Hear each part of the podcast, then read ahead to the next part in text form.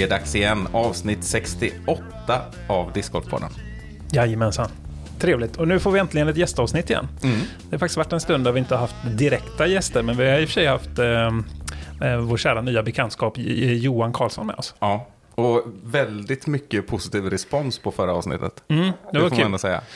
Med tanke på hur eh, ändå mycket uppstuds det var, med tanke på att eh, han som är med idag inte var med då. Ja, exakt. Ja, men det, det har ju visat sig så ofta att eh, du och jag brukar säga det efter avsnitt sådär, när vi har fått improvisera. Att fasen, det var roligt vi hade idag. Mm. Ja, och, då, och så kommer folk och säger, också att vad roligt det var. Ja. ja, men man kan känna det där lite grann. Mm. Eh, nej, så det var jättelyckat och eh, tack så mycket för alla, all positiv feedback vi fick. Verkligen. Mm, roligt. Jag sprang ju på två eh, människor på vår lokala bana här som jag aldrig träffat förut. Mm. Och så hejade och sådär och jag gick runt med barnvagn med sovande unga och sånt där. Och så sen när de gick förbi mig igen så sa de så här, eh, är det Rickard? Yes. Och så var det faktiskt, det kunde ju ha varit så här. Och så var det Rickard. Var det du, var det, det du parkerar så jävla dåligt? Just det, precis. Nej men det kunde ju ha varit något annat. Men det, det var faktiskt att de lyssnade och njöt av podden. Mm, ja, roligt. Jätteroligt. Och jag, tog inte, jag vet inte vad de heter, för jag frågade inte. Nej, Eh, De visste ju vad jag hette och jag var nöjd med det.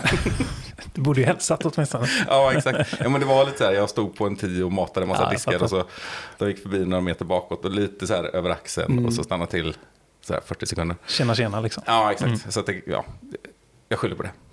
Men eh, då får du ju hälsa till dem här då. Ja, eh, jättekul att Mm. ni eh, kom förbi och hälsade på mig. Vi säger ju det och vi menar ju det och hoppas att ni märkte det. Ja, Eh, och skicka gärna ett meddelande så jag vet vad ni heter. ja men gör det. Vi Gör kommer det. ju springa på varandra igen. Men det är kul med nya bekantskaper som dessutom är lokala för vår del. Då. Mm. Det är kanonbra. Ja, Mycket roligt. Nu ska vi ha roligt eh, på ett annat sätt. Eh, Som sagt, en gäst på gång in här. Och det är inte vem som helst, utan det är Max Regetnek. så uttalar man det.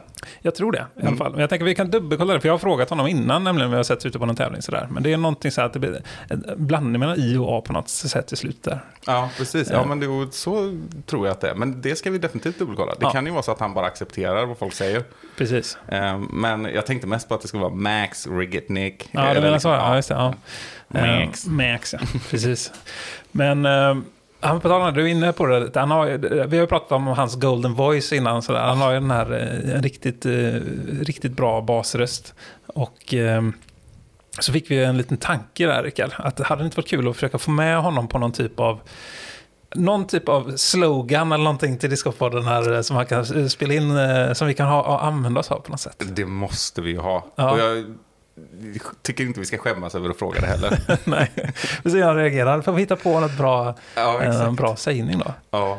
Han, kan, han, kan få, han kan få göra flera. Precis, vi ger honom liksom ett manus här. Ja.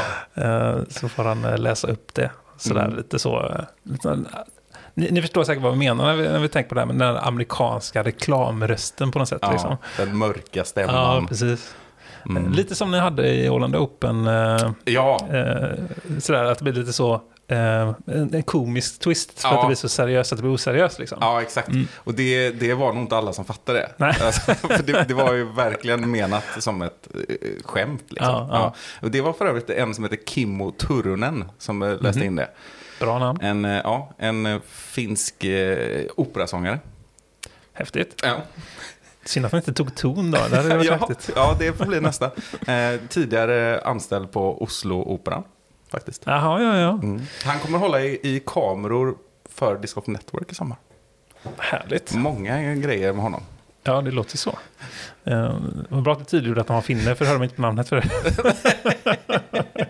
Exakt.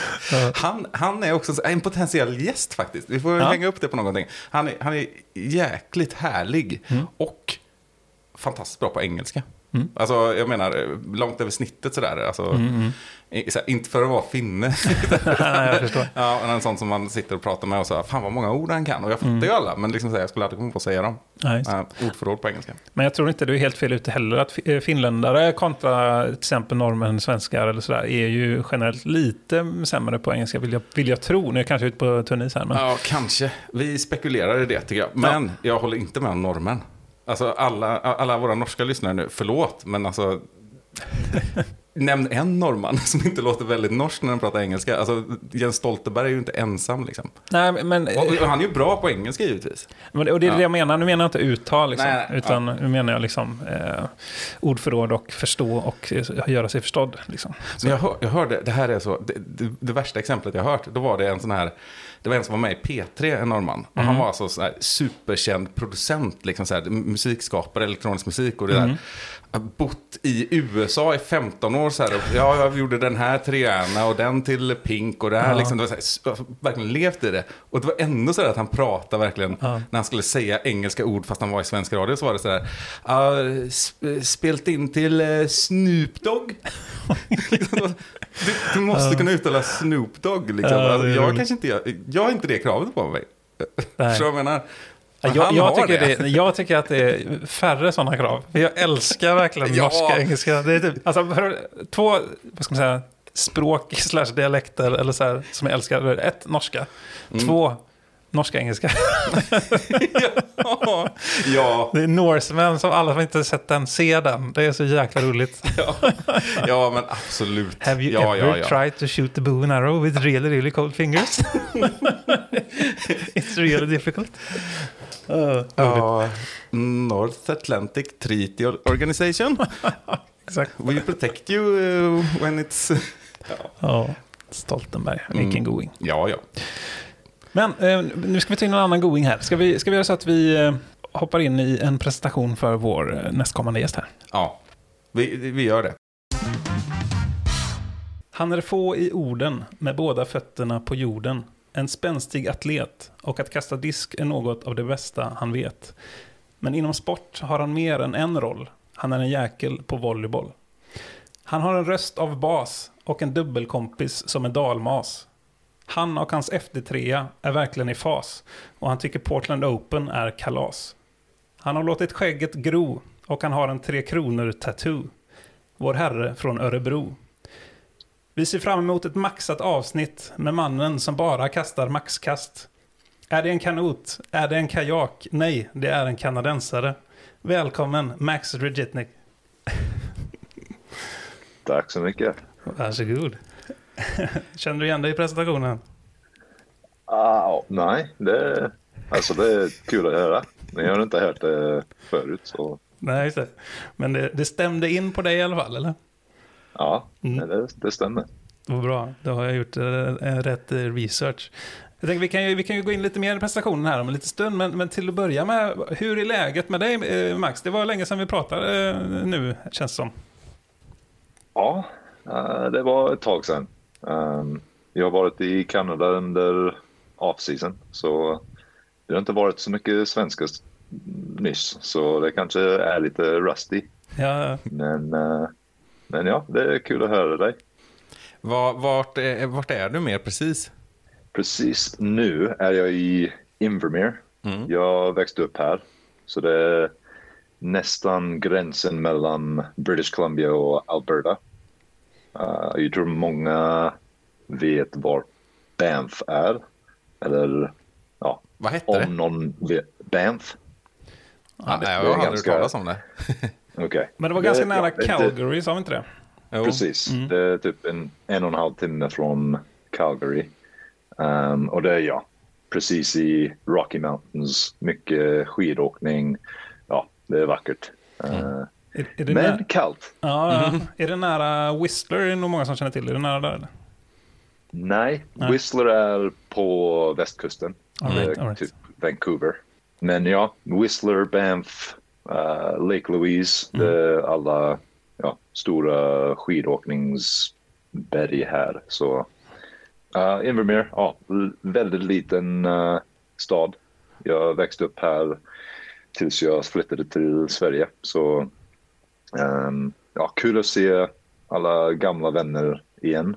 Jag tror det var 2017 sist jag var här här. Så ja, många som jag inte sett för jättelänge. Så Mm. Häftigt.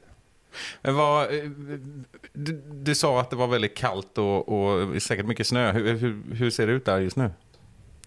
just nu är det inte så mycket snö, men förra veckan var det typ 25 minus och kallt, kallt. Eh, så, och ja, under vintern har det varit li, ja, kanske lite kallare än ja, så Örebro. Det, det är säkert mycket mer snö eftersom det är typ snö hela, hela vintern. Um, och kanske 15 centimeter. Mm. Ja, ja. Det, är Jämt. inget, det är inget som våra poddkollegor i Kedja Ut hade varit imponerade över. Det är, så här, det är, Nej, det är ju inte- pulsat i skolan i aprilväder, skulle Nicke Nyman säga. Ja, det är inte Umeå, men det, ja, mitt emellan. Ja. Um, Men Invermere, det, det, det var ganska lite så, det är några tusen invånare eller sånt där. Vad- hur, hur var det att växa upp där då?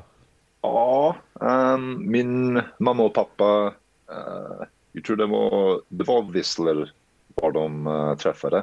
Och sen flyttade de här eftersom det finns ganska rejäl eh, uh, skidåkningsresort. Eh, och de um, ja, jobbade där och ja, började familjen och vi ja, bodde här typ tills 2013. Och Jag gick, och, ja, gick till skolan och sen till Sverige i 2016. Eh, men annars har de, och mamma uh, flyttade iväg lite till eh, Victoria på västkusten också. Men sen har nyss flyttat tillbaka i typ oktober. Så det var typ exakt när jag kom tillbaks från touren. Att jag, ja, och pappa bor i Vancouver just nu också. Så det, var, det har varit lite fram och tillbaka från Vancouver och Invermere. Men, Ehm. men bor du hemma hos morsan nu då eller? Nu är jag i huset som jag, alltså, ja, Växte upp växt i? upp i. Ja. Så to det, basic. det är lite konstigt, men de har gjort ganska mycket till huset och alltså staden har blivit lite större, lite mer folk. Eh, så det har varit, det är, det känns som det är exakt samma, men samtidigt inte. Det, det har hänt ganska mycket, också i discgolf scene här. Vi har en kompis som jag ja, spelade mycket i high school med. Och då var det typ inget. Det var typ en bana som vi ja, kom på. Med, det var bara träd som vi kastade disk, disk på. Så det var Ja, typ just det. tone course. Mm. Um, och närmast uh, alltså korgbana var en och en halv timme bort. Så här och där åkte vi bort och spelade men mest var det bara i skogen kastade mot trä. Men, men hur kom du på det? Liksom? Alltså, det kan inte, för du har ju börjat ganska tidigt. Vad, Ja. Hur? Ja, min pappa började typ 99. Ja. Så han, ja, han har varit med i, och ja, alltså Calgary är ganska stor discgolf scene även då. Och Canmore, eh, det är typ ja, mittemellan Banff och Calgary. Vi flyttade till New Jersey i ja, 05-06 där.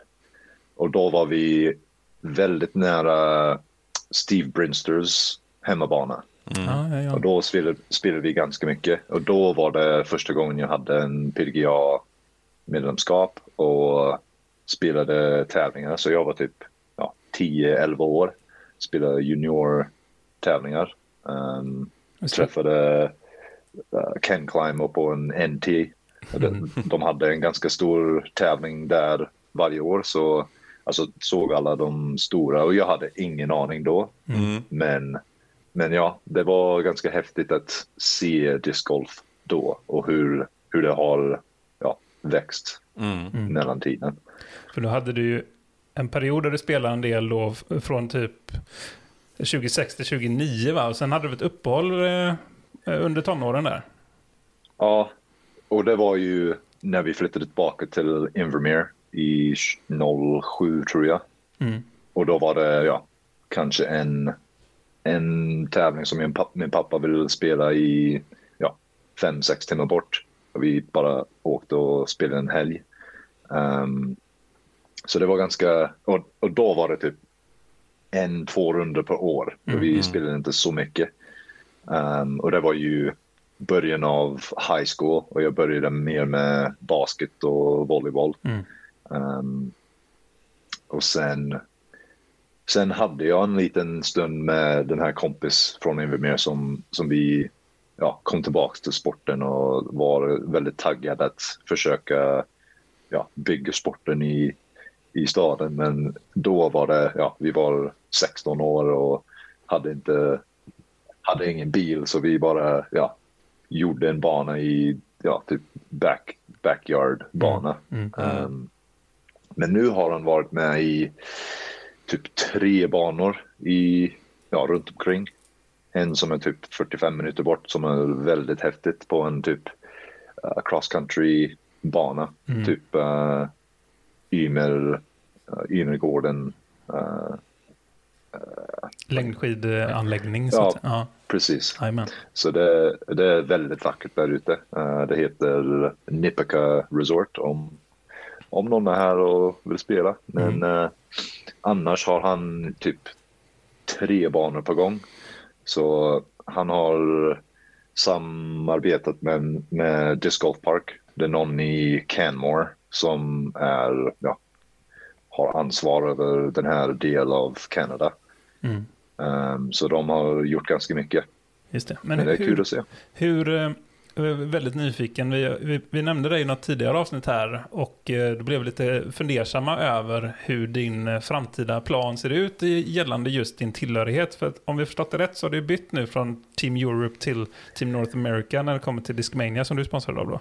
Eh, är, det, är tanken att du ska bli kvar eh, där nu eller hur är, hur är planerna? Ja, um, egentligen var det, alltså det var svårt förra året med att få grejer. Um, och egentligen var det lite strul med team manager i Europa right. då. Och ja, det var inte ganska, eller det var inte så bra kommunikation där. Mm. Så det var svårt att säga, okej, få en ehm, ett svar från dem och sen vem pratar jag med i USA om att få ja, nya diskar. Så det var typ hela året som var bara up in the air. Mm. Ja, det känns som jag inte alls sponsrat ens. Så det, det var lite strul där. Och sen med Arvin från förra året. Vi, vi tänkte att ja, jobba på det under off-season och försöka sälja den. Ehm, så då var det ja, naturligtvis enklare att jag stannar kvar i Kanada, göra det och sen behöver inte flyga fram och tillbaka under off-season. Men ehm, ja, alltså om jag kommer fortsätta med största delen av Pro Tour. Det är ganska, ja, det är ganska mycket enklare att ta off-season här i Kanada Mm. och sen åka härifrån. Och sen, ja, jag vill göra en lite större uh, Eu- Europe swing än vad ja, de stora spelare gör. Mm. Typ, kanske inte Paul Macbeth som gör typ två månader i Europa, men ja, fem, sex tävlingar, fem, sex veckor ehm, och försöka få in de stora som är där omkring. Mm. Ehm, så ja, alltså just nu känns det att det kommer vara off-season i Kanada ehm, och ja, Pro Tour och sen European Swing. Ehm, så det var det är enklare att vara med i American team ehm, och få allt genom dem. Ehm, speciellt när alltså de eh, skickar ut allt ny grejer till tävlingar.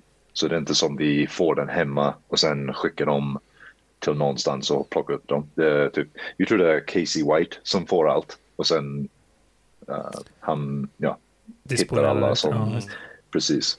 Men är det Avery som är um, team manager typ i, i USA eller? Precis. Mm. Så det var, och jag har träffat han, ja, Rickard också i, i Europa ganska många gånger och han är hur trevlig som helst och Mm. det är bra att ha lite alltså vet ve- vad, ja, vem andra är. Mhm. Ehm, annars, alltså jag vet inte, ja, jag vet att Austin Montgomery är Colton Montgomerys bror och han är ganska högt upp i eh, management där. Så, men jag, vet, jag, ja, jag har aldrig träffat han så det, det är svårt att få den där connection. Mm. Ehm, men det har varit ganska bra med Avery än så länge. Ehm, men ja, den, här Lizotte-grejen var ganska, det var ganska, ehm, ja, stort med, alltså de hade hands full med allt Mm. det där och det, det var lite backseat med min kontrakt. Så det, och det, ja, man förstår att det var ganska mycket som hände då eh, med Lizotte. Så eftersom det var ganska sent i off-season som jag uh, skriver på. Um, men ja, så det känns bra. Det var lite upphöjning i kontraktet också. Så det kommer göra det lättare och bättre kombination med, ja, med mig och Dismania. Så det känns bra. Kul. Eh, men vi kan räkna med att se dig i Europa och kanske till och med i Sverige då, slutet av juni, början av juli kanske? Ja, alltså att SM är på Ale, det, det känns som en uh, opportunity, can't miss opportunity. Um, det känns som det är så mycket kul grejer som händer där och bra timing att uh, Sverige har SM där. Um, och ja, så det känns som det är tillräckligt tid att få, alltså jag förstår att banan är inte i samma skick som vi lämnade där. Så det, men det känns som det är ganska många som hjälper till och det är ganska mycket som händer där. Så förhoppningsvis är det i bra skick för SM. Mm. Ja, men vi, fram tills dess så ska vi vara i fas, så känns det. Det, är- det är gott om tid vi, faktiskt. Och det, det rullar på jobbet. Så nej, det är riktigt kul. Um, så se fram emot att få se dig på banan där framöver. Precis. Men du ska göra säsongspremiär i Waco va? Ja, Har, har du blivit det- frisk? frisk. Ja, Ja, du var, du var väl lite sjuk och sådär förra veckan? Ja, eh, jag är fortfarande lite uh, vet jag, congested. Du låter lite hes och... Nej, jag skojar. Ja, förlåt. Men eh, ja, alltså med kallt väder, det händer, händer ibland. Ja. Ehm, Men skulle du ha spelat jag- Las Vegas annars? ja, men det var inte sju, alltså det, det har varit RV. Alltså vi, alltså tanken var att, att sälja den och eftersom Linus ville göra mer Airbnb och jag vet inte om han kommer att köpa en bil eller hyra en bil. Liksom Bara, bara för Men- att tydliggöra snabbt där. Du och Linus torade med en eh, typ större campervan förra säsongen. Ja, en Och husbil va? Ja, precis. Ja. en buss. Ja, Helt till och med det, ja. enkelt. Det var, det var stort. Ja. Eh, Och var den- typ 10 meter lång och ja, jättestor. Ja. Ehm, och till slutet av säsongen det var lite problem med fuseboxen. Det var en fuse som typ smältade i Ja. fusebox. Så vi behövde eh, ja, sätta in ny, ny fusebox. Ehm, och det var att, jag vet inte varför det var så komplicerat men vi, vi hittade inte exakt samma eh, modell eftersom det var ju en ja, 96 Mm. RV så det är ganska kanske svårt att få exakt samma delar. Mm. Eh, och sen ny, ny fuseboxen var inte ja, exakt samma så man behövde typ ja, göra om den som det, så det funkade som den gamla. Eh, så det har varit, ja, tagit mycket mer tid än jag trodde eftersom tanken var att ja, fixa upp den, sälja den och köpa ja, någonting lite mindre så jag kan göra eh, ensam. Mm. Mm. Ehm, men ja, alltså jag är på gång att snacka med Linus att typ ja, jag vet inte hur hur det kommer lösa om jag behöver typ, ja, buy out han från hans del, eftersom han äger hälften av det. Ehm, och om jag kommer ja, köra den ner och tora för säsongen i den. Alltså, han, han äger hälften av det. Så ja, på gång att lösa det på någon, något sätt. Ehm, men ja, typ, typ samma tour som förra året. Uh, började i Waco. Uh, hela Pro Tour tills Preserve. Sen är det ja, Europa. PCS i Norge. European Open i Finland. Förhoppningsvis Åland Open. Um, och sen EM. Jag snackade med David Svärd och tackade ja till EM i Estland. Så, Kul. och sen SM. Mm. Så det kommer att vara fem, sex veckor, tror jag. Mm. Um, och missa, jag tror det var typ Mid America Open som en Silver Series. Uh, Ledgestone som, ja det är lite tråkigt att missa. Som det var, det är ju en ganska stor, jag tror det är Elite Series Plus nu. Mm. Så det är lite mer, jag vet inte om det är mer poäng eller bara mer pengar och Jag tror det är både och. Ja. Men eh, Mid America Open gör ju ingenting att du missar. För det är ju samma helg som Åland Open. Och jag tror du får samma poäng för Åland Open. Ja, precis. Ja. Alltså, jag hade ingen aning om det. Alltså, var det ganska sent att de ja, valde att ge det, Ja, eh, alltså Silver Series? ja Det är ganska stor... det var, vi som var inne i det fick vänta ganska länge. Vi, vi hoppades liksom redan i november och sen så var det sådär snack om att man 12 december då kan, det, då kan det bli officiellt. Men sen blev det ju liksom fram till januari innan det var färdigförhandlat och sådär. Ehm, så det var, man fick ha tålamod eh, med det. Men sen, eh, sen vill jag, vågar jag påstå att det kommer vara mer prispengar på Åland än vad det kommer vara på Mid America också. Så Ja, säkert dubbla. ja. Nej, men det är kul. Ja, nej, men, men nu är också nu är platserna slut Max, så du måste söka om ett wildcard. Vi får se Ja. hur du ligger till där. Kan jag. Ja, men vi får se. Ja, Eh, det sk- skulle vara kul att spela. Eh, det vore var väldigt kul om du kom dit också. Ja, var där förra sommar så, och det var magiskt. Eh, så det... Vi var ju Ja, där tillsammans och badade i jacuzzi och Apropå Ja, det, alltså det, var ju, det var ju också med den finska operasångaren, eh, Kimmo. Vi pratade lite om i eh, introt här. Ja, och Josef Berg och några till. Men du, eh, jag vill åka tillbaka lite till det här med, med eh, Arvin och eh, Linus. Blev ni trötta på varandra någonting eller?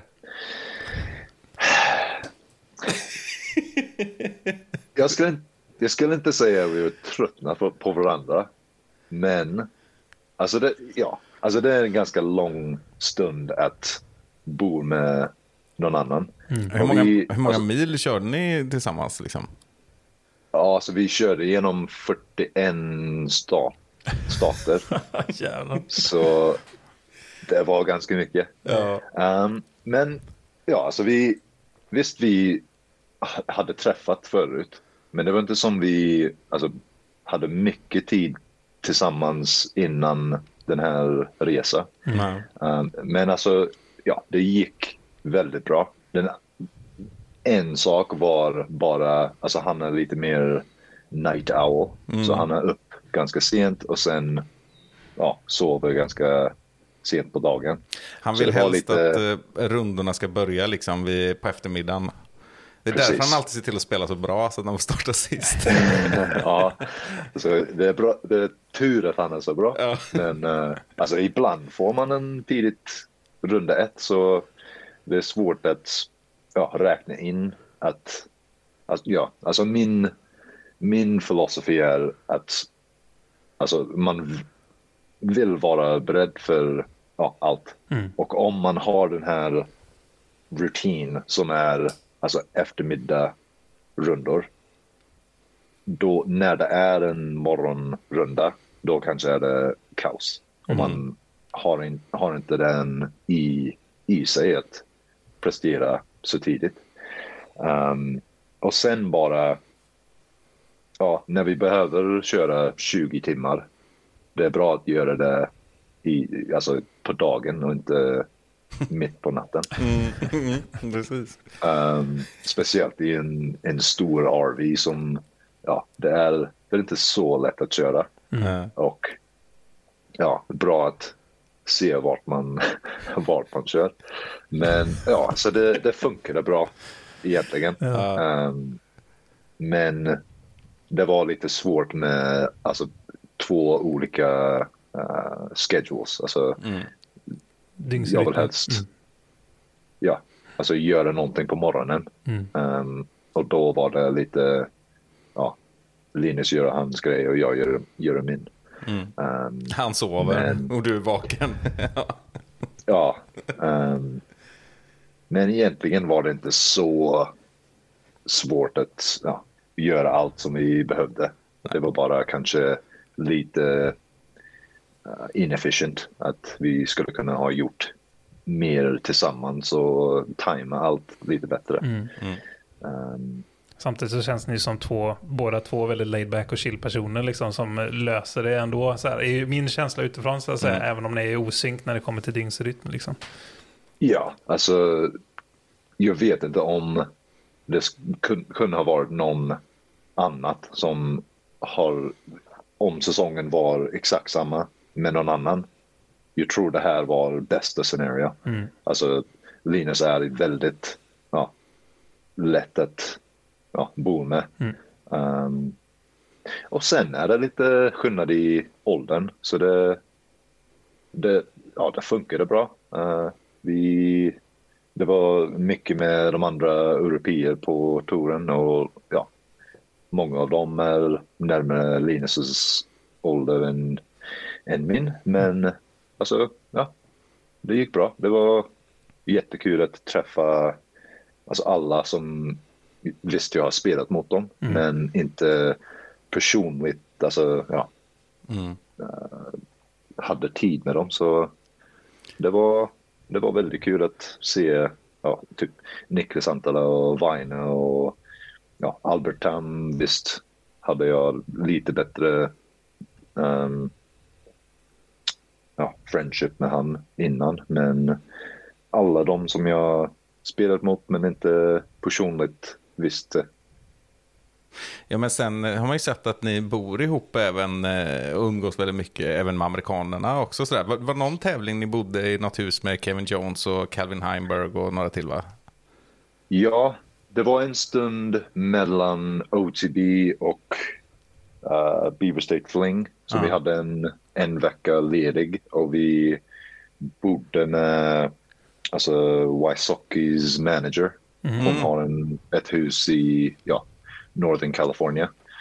Uh, och de, alltså Ari och alltså alla Rickys crew, typ Corey Ellis, uh, Emerson Keith, Um, det, är, det är en ganska stor gäng som ja, uh, vanligtvis har de en Airbnb tillsammans. Och, um, ja, det var, det var en kul crew som vi började hänga med.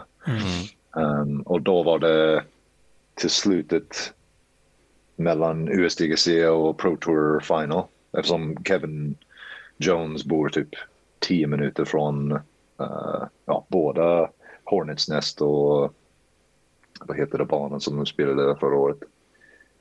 Ja, i Vilken Charlotte. Så, Vilken tävling sa du? Pro, Pro Tour Championship. All right. Nevins Mm. Park. Mm. Ja. Det kan nog stämma. Eh, så vi, ja, vi bodde där för typ en vecka, kanske en och en halv. Och det var många som var där. Kevin Jones typ hostade tio stycken spelare. Eh, Kul. Vem vann, det var put, vem vann puttävlingarna på kvällarna då? uff. Alltså egentligen var det inte så mycket putt-tävlingar. Men ja, typ Antala var där, där ute ganska ofta. Och sen var det ja, Linus på kvällarna. Men, När du skulle sova. Ja, exakt. Precis. Ja. Nej, men det var, ja, det är kul att se alltså, Kevin Jones.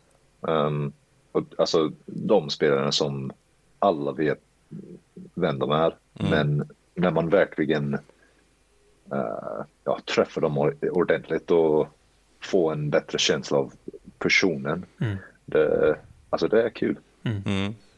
Berätta något vi inte vet om eh, ja, men till exempel Kevin Jones.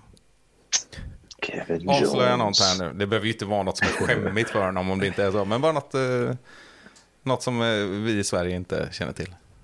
Ja. Jag vet inte om det kommer, alltså när man ser Kevin Jones om man känner att han är så trevlig. Ja. Men han, han, är en av dem, alltså han var väldigt alltså, öppet för att alla som skulle bo i hans hus för ja, två veckor typ. Det var många som bodde där under USDGC också. Ehm, så ja, alltså jag skulle inte säga att han kom, ja, comes off as ja, så trevlig Nej, på, eh, ja, på coverage eller något. Men jätte, jättetrevlig. Mm. Vad äter han till frukost? Alltså han är också en night owl. Så han säkert bara har lunch. Han, han, han, eh, han, eh, han går på toa och ger sig själv en smäll på käften typ. Men det var mycket eh, vad heter? Alltså Uber Eats. Mm. Och det är ganska, säkert ganska vanligt i USA eftersom det är ganska, alltså det finns ja, mat överallt. Så det är ganska eh, snabbt och enkelt. Mm. Ehm, Så det är typ Foodora Så för den kanske som inte- undrar. Mm. ja, precis. Men kanske inte ja, nyttigast. Så lite överraskat med, alltså ja, eh, vad heter det, diet. Mm. Det är inte alla som är extra Aderholt och äter bönor liksom bara. Nej. Ehm, och sen, ja han, jag vet inte vad det heter på svenska, men alltså rock climb. Ja. Bergsklättring. Han är ganska stor. Ja. Ja, ganska stort i det. Jaha, Ehm, Kevin Jones alltså? Ja, okej. Ja, det ser man. Ehm, så jag vet han balanserar discgolf och alltså allt annat. Alltså ja, DJing och Mm. Allt annat i hans liv. Han, det är inte 100% discgolf. Det är lite, ja, alltså allt. Alla behöver lite, ja, balance med andra saker. Så bergklättring. Men en bra segway in till eh, en fundering som jag har haft. Vi- Jag har pratat lite om det både i presentationen och du nämnde det också det här med volleybollen. Som ju har varit en stor grej för dig. Eh, Men är det så att du fokuserar mer nu på discgolf än du har gjort tidigare? Eller hur ser det ut? Eftersom i, i Sverige, jag spelade ja, discgolf på sommaren och sen Elite Series volleyboll på vintern. Så då var det typ ingen discgolf från ja, september, oktober tills ja, mars, april. Ehm, så ja, den här off-season var typ första som jag var Alltså vi fortfarande spelade lite volleyboll och basket i, ja, här. Men det var typ en, en gång per vecka. Mm. Så då var det, allt annat var bara discgolf. Så det är första ja, full off-season bara fo- fokusera på discgolf. Så det, ja, det känns bra. Eh, det var mycket inomhus, eh, inte så mycket i snön, men eh, lite här och där. Ehm, så det kommer vara, det kommer känns bra med 25 grader väder i Texas. Mm. Men har, var märker du att det är gett effekt? Är det- Har det varit mycket puttning och sådär? Eller har du, har du liksom, känner du att du har blivit en mycket bättre på någon del av spelet? Jag, jag tror största är, alltså jag, känner inte rusty. Mm. Varje år i Sverige, alltså det var typ, ja, timing helt av. Alltså man kastar typ 20% kortare på början av säsongen. Nu känns som jag börjar eh, ja, på en, en högre eh, Nivå. Mm. ja, nivå eller ground. Alltså, för jag börjar redan eh, ja, bättre än jag var varje preseason förut. Mm. Um, så det, ja, det- det känns... Ja, förlåt. Nej, men det känns bra att, att inte behöver stressa så mycket om... Alltså förra, förra året var det kom från Sverige till Kanada, fixa RV för typ två veckor och försöka börja discgolf igen. Så det var ganska stor, eller en kort tid att komma ikapp um, med off-season. Um, så nu känns det mindre stressigt av det. det bara, och att jag har spelat Waco förut, behöver inte lära barnen så mycket. Är Bara att ja, fokusera lite mer på kast. Vilken är din eh, favoritbana på touren av de du spelade förra året och kommer spela i år igen? Då? Det är en svår fråga. Men alltså jag brukar säga uh, det är lite fusk med Green Mountain Championship. Alltså Fox, Fox Run och Brewster Ridge.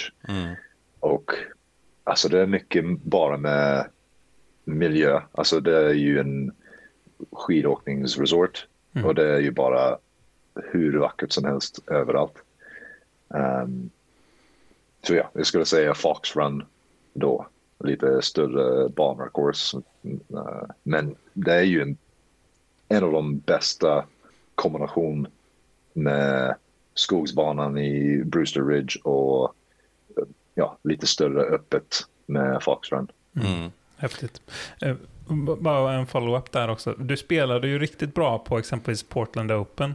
Uh, gillar du de banorna där också uppe i Beaver State?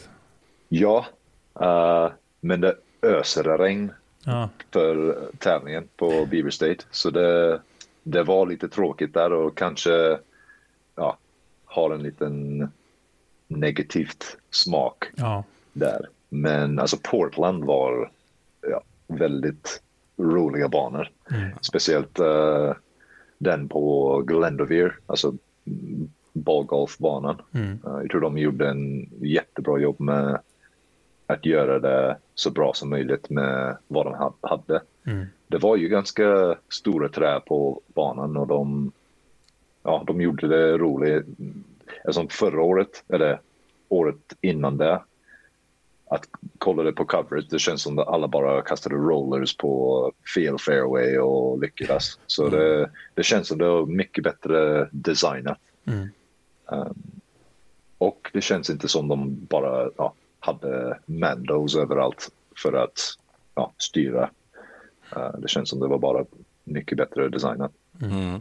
Men du får säkert revansch på vädret i Oregon. Statistiskt sett så regnar det väl nästan aldrig där, eller? Exakt, man behöver räkna in att man behöver paraply och regnjacka. Men eh, ja, ser fram emot att uh, åka tillbaka. Jag måste ju faktiskt fråga också om det var någon bana eh, som du hade sett fram emot. Eller eh, vilken bana var liksom en besvikelse i förhållande till dina förväntningar? då?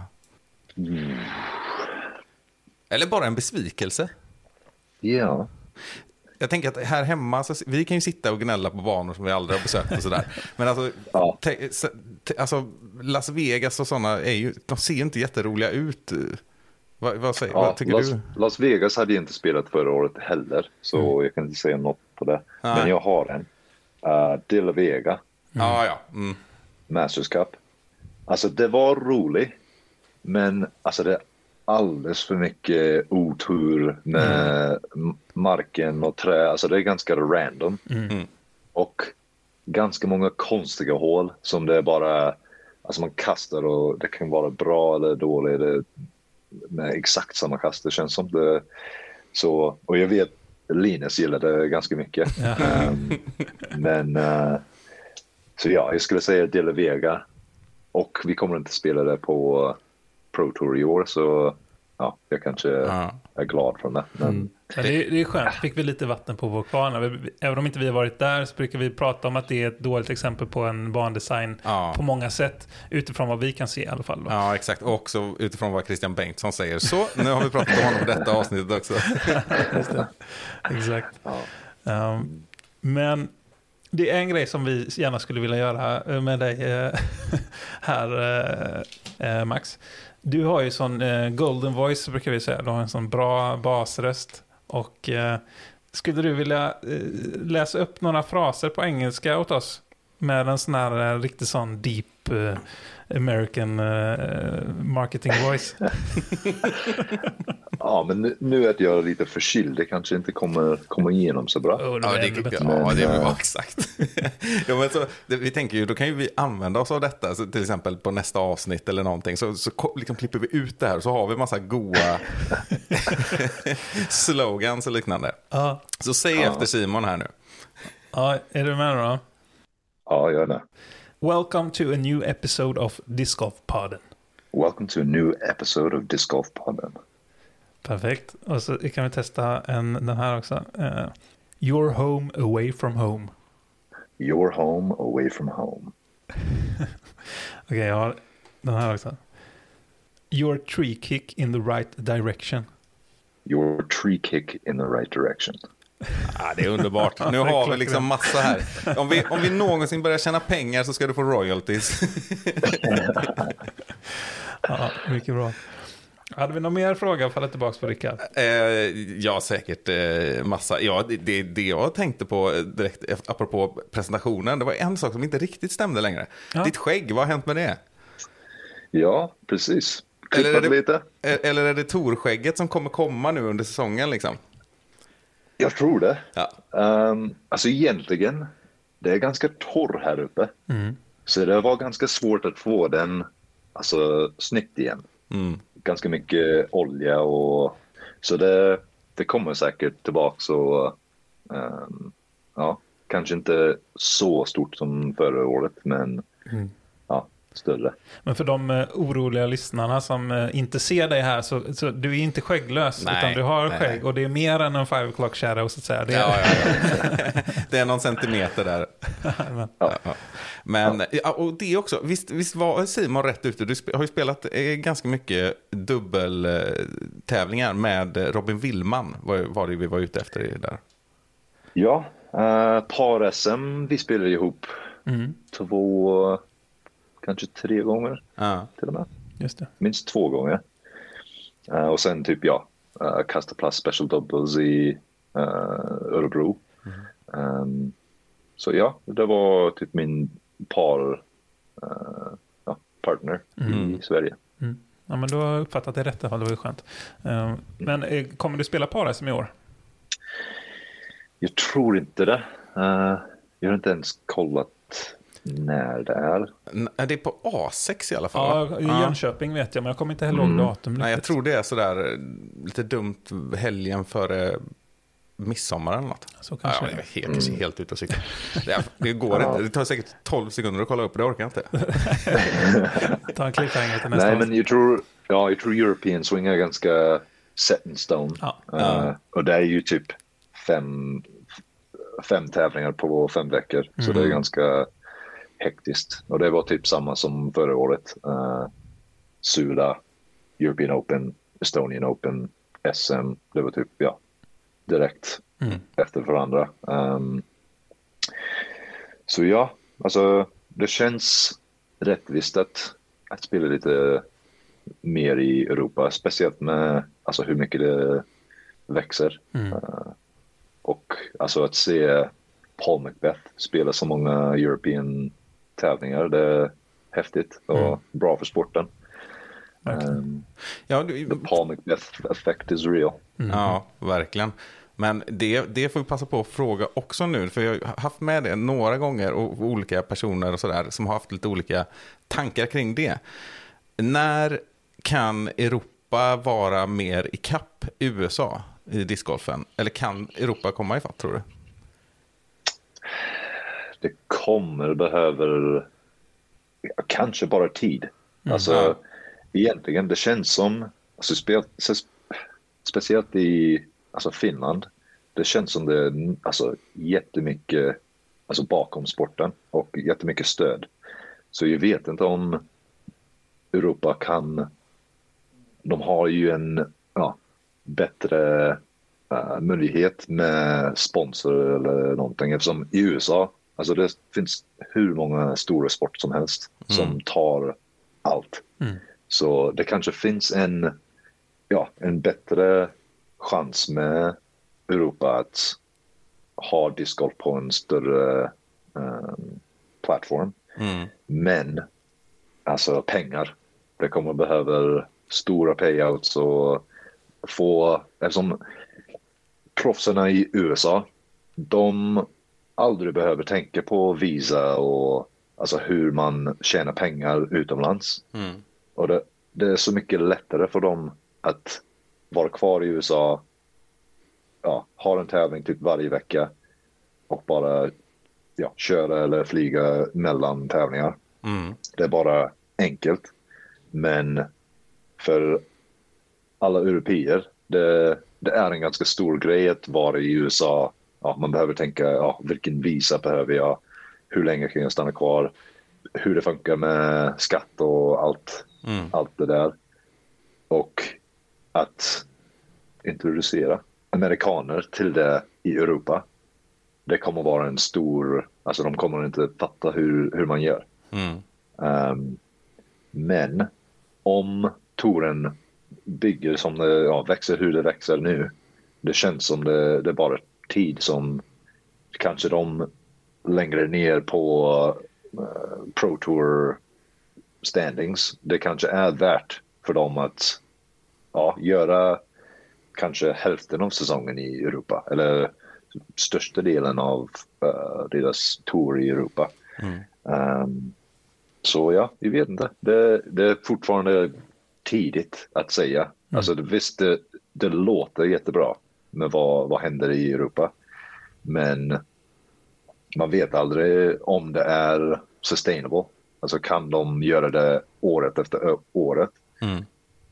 och fortsätta växa? Nej, Det är svårt att precis. säga. Och det är, det är ju imponerande att Finland har så många duktiga spelare som faktiskt kan hävda sig eh, också. Men det, men det blir ju lite per capita. Det är trots allt, finns trots allt bara fem miljoner finnar. Vi kanske behöver få med Frankrike, Tyskland, Storbritannien, eh, stora länder. Precis. Liksom. Bara där har vi väl 150 miljoner invånare eller något i de tre. Ja, alltså man, man märker att det är bara ja, alltså Skandinavien, Estland, ja, lite tjeckiska eller det, det är inte många länder som, som verkligen har många, eller ja, banor till och med. Mm.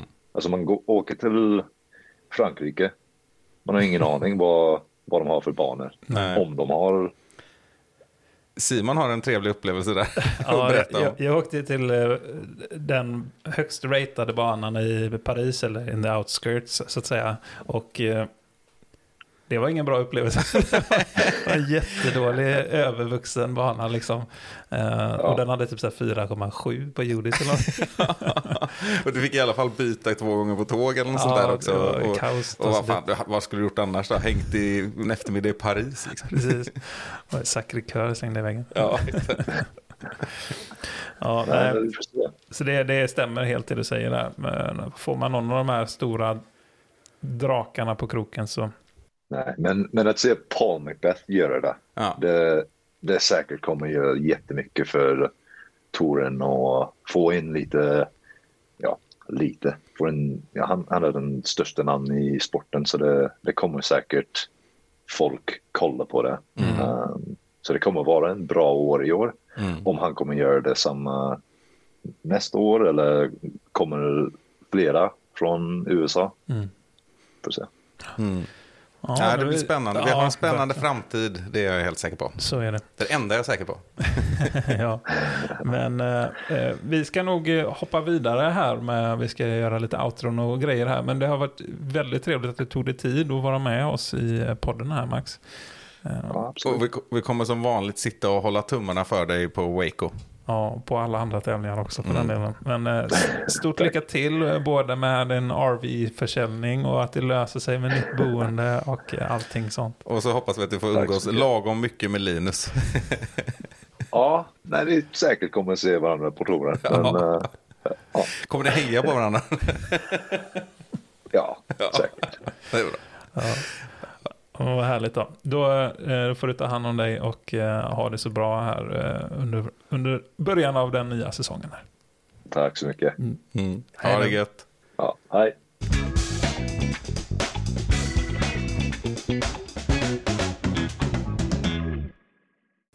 Sådär ja, då har vi pratat över Atlanten här. Ja, det, det är roligt. Och det är det. Han är, han är ju härlig, eh, Max, och så här genuint trevlig, kan man ju säga. Ja, verkligen. Och det är, det är liksom mysigt. Jag märkte att jag bara försvann in i det här. Liksom, ett sånt härligt samtal Ja. och liksom höra lite hur det var och sådär. tänkte inte på tiden. Nej, precis. Han har mm, vettiga tankar. Och jag slogs av det när... Eh, jättebra att du tog upp den frågan igen, som har varit lite återkommande med just eh, vad ska man säga, profiler som dessutom har en fot i varje världsdel lite grann. Som ju Max är ett utmärkt exempel på. Precis. Alltså, jag, jag pratar om det här då, Europa kontra USA, om vi kan komma ikapp och i så fall hur och sådär. Ja. Eh, och det är...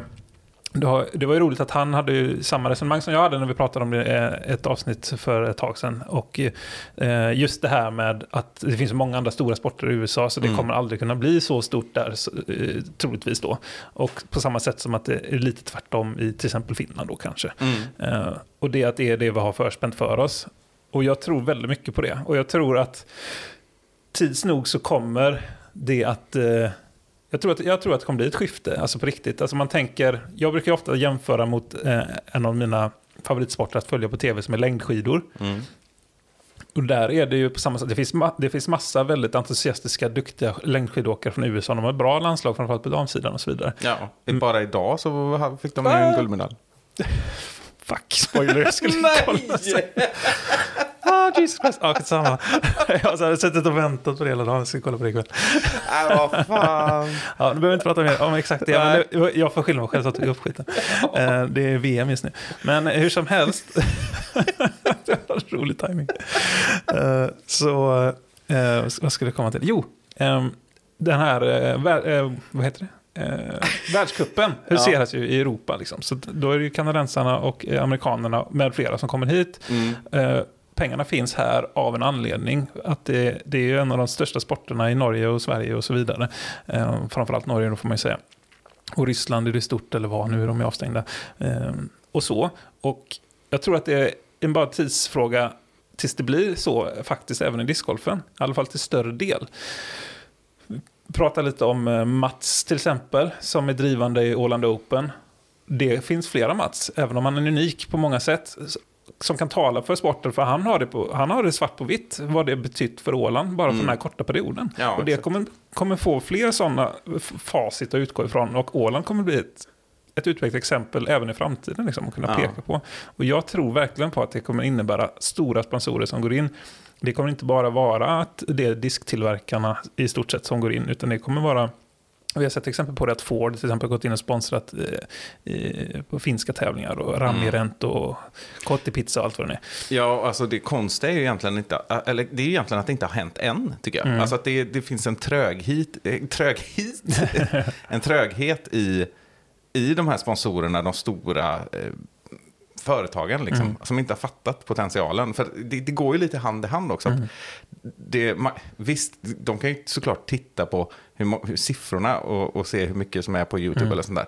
Men det, kräv, det, går ju, det ena kommer ju lite av det andra också. Och, och man får ju det billigt, liksom. Eller hur? Ja, ja visst, absolut. Sen så, är, sen så är det klart att det är mycket vi... Vi blir ju också väldigt biased utifrån ett... ett eh, att vi är så insyltade i sporten och vi tänker säkert att den är större än vad den är också i Norden, alltså man ska vara ärlig så sätt. Men, men det känns ändå som att det är mycket större chans att det blir stort här än det blir i USA. Gentemot de andra sporterna alltså. Mm. Jo, men och, samtidigt så, samtidigt så tror jag att vi inte riktigt sätter eh, det ordentligt i relation. Att discgolfen är ändå stor på vissa sätt, men det är så himla svårt att mäta. Mm. Ja, det är det. Eh, Mörkertalet liksom. Ja, men också det här att hur jämför man? Och pratar man ekonomin då, så jag reagerade när det var handbolls-VM. Eh, det var snack om att, eh, att de bästa spelarna i Sverige då, vad de tjänade, eh, hade Sportbladet en genomgång. Och då var det ju Jim Gottfridsson, kanske runt 200 000 i månaden och sådär. Det är ju... Det är ju inte närheten av Macbeth eller Lesot. Nej. Alltså det är inte ens, alltså överhuvudtaget i närheten. Och då, vi kan ju räkna ut att Macbeth tjänar säkert 15-20 miljoner om året. Det är ju inte den där en miljon dollar. För det är ju bara från Discraft utan signaturdiskar utan prispengar. Så, ja, de tar inte emot då i och för sig. Eh, utan att han, det är ju en sponsor, han, har, han är väl sponsor av flera kan vi anta. Ja. Ja, och alltså utifrån det, och Jim Gottfridsson är då en av de bäst betalda i handbollen i världen, som är en världssport. Han, han är ju inte topp 10 kanske i discgolfen. Det är ju faktiskt ganska imponerande. Ja, men det, det är alltid svårt med de här jämförelserna. Men jag tror också att jag tror också som du säger att det finns, att det, vi behöver fler som Mats också i den, eh, i den, i den bemärkelsen att eh, han ser inte de här gränserna som vi ofta ser inom discgolfen. Alltså, då har, du, har du arrangerat en discgolftävling som är stor i Mm. 15 år utgår man gärna från de förutsättningar som varit de tidigare åren. Liksom. Mm. Alltså det här att det ska vara en disksponsor det ena och andra. Medan Mats kanske och andra sådana personer ser det lite som en annan sport. Mm. Alltså kommer man från en annan sport så är det helt självklart att man liksom får en massa pengar slängd på sig. Mm. Och från andra typer av företag. Och jag tror det behövs kanske mycket mer det tänket inifrån sporten också då. Mm. Det kan ju inte komma från Ford liksom.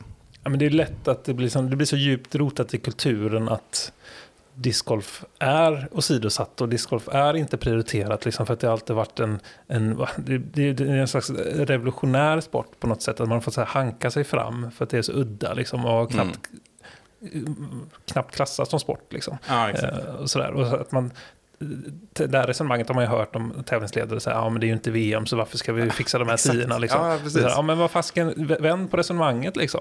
Gör det till VM så blir det VM liksom. Ja, nej, exakt. Och det, det är lite det där, för det är ju inte en kritik liksom, mot TDn i sig, men tankesättet eh, Ja. är så ingrott. Ja, Liksom. precis. och det, det har ju varit samma sak, och det här har jag ju reagerat på. Jag gissar tog upp det ganska tidigt i podden, men även åren före det. Så har det varit prat om det här att ja, men det går inte att ha en stor tävling i Sverige. Eller det, vi kan inte göra sånt här arrangemang för att det är liksom så komplicerade skatteregler och bla bla bla. Men det där är ju bara, det är bara hinder som behöver, liksom, man behöver komma över. Och det går ju att liksom arrangera stora mästerskap i Sverige i många andra sporter, om än inte fotbolls-VM eller kanske ett OS. Jag vet inte, men liksom på alla andra nivåer så går det ju att göra det. Det går att betala ut prispengar. Det är bara att man inte förstår att man behöver ha marginalerna då, liksom, rent ekonomiskt. Att det, det försvinner ju inte pengar. Vi har lite högre moms och skatt och allt vad det kan vara. Liksom, men så resonerar vi inte i något annat sammanhang. Det går ju uppenbarligen att driva företag. Liksom.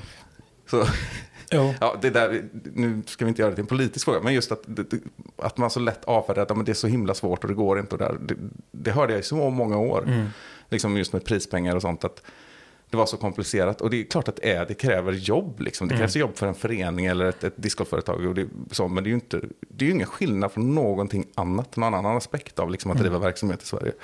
Och det, det, bygger på det tänket just inom discgolfen tror jag. Nej, det är ju mycket liksom svensk byråkrati och sånt där och gå, och gå runt. Men vi ska nog i många fall vara väldigt glada över den också. Om man säger så då. ja. ja, men det handlar inte om det. Och det är just det här, jag återvänder alltid, kolla på din lokala division 3 fotbollsklubb. Mm. Det är jättemycket som sker bakom. Liksom, det är mycket budgetering, Mm. mycket liksom pengar som ska in och ut och det ska redovisas och allt möjligt. Och pengarna kommer ju in. Mm. Ofta så är det ju så. Som jag brukar säga att eh, det är klart att man kanske får någon sorts eh, värde av att sponsra. Liksom. Men varenda knattelag, alltså P12 i ett division 3-lag får ju liksom sponsring på bröstet från Kalles Gräv. Och det har vi ganska lite av i, i discgolfen också. De där, vad ska vi kalla det, mikrofinansieringen liksom. Ja. Och det, är ju, det bygger ju rätt mycket på goodwill skulle jag vilja säga. Mer än att man faktiskt får ett värde tillbaka. Då.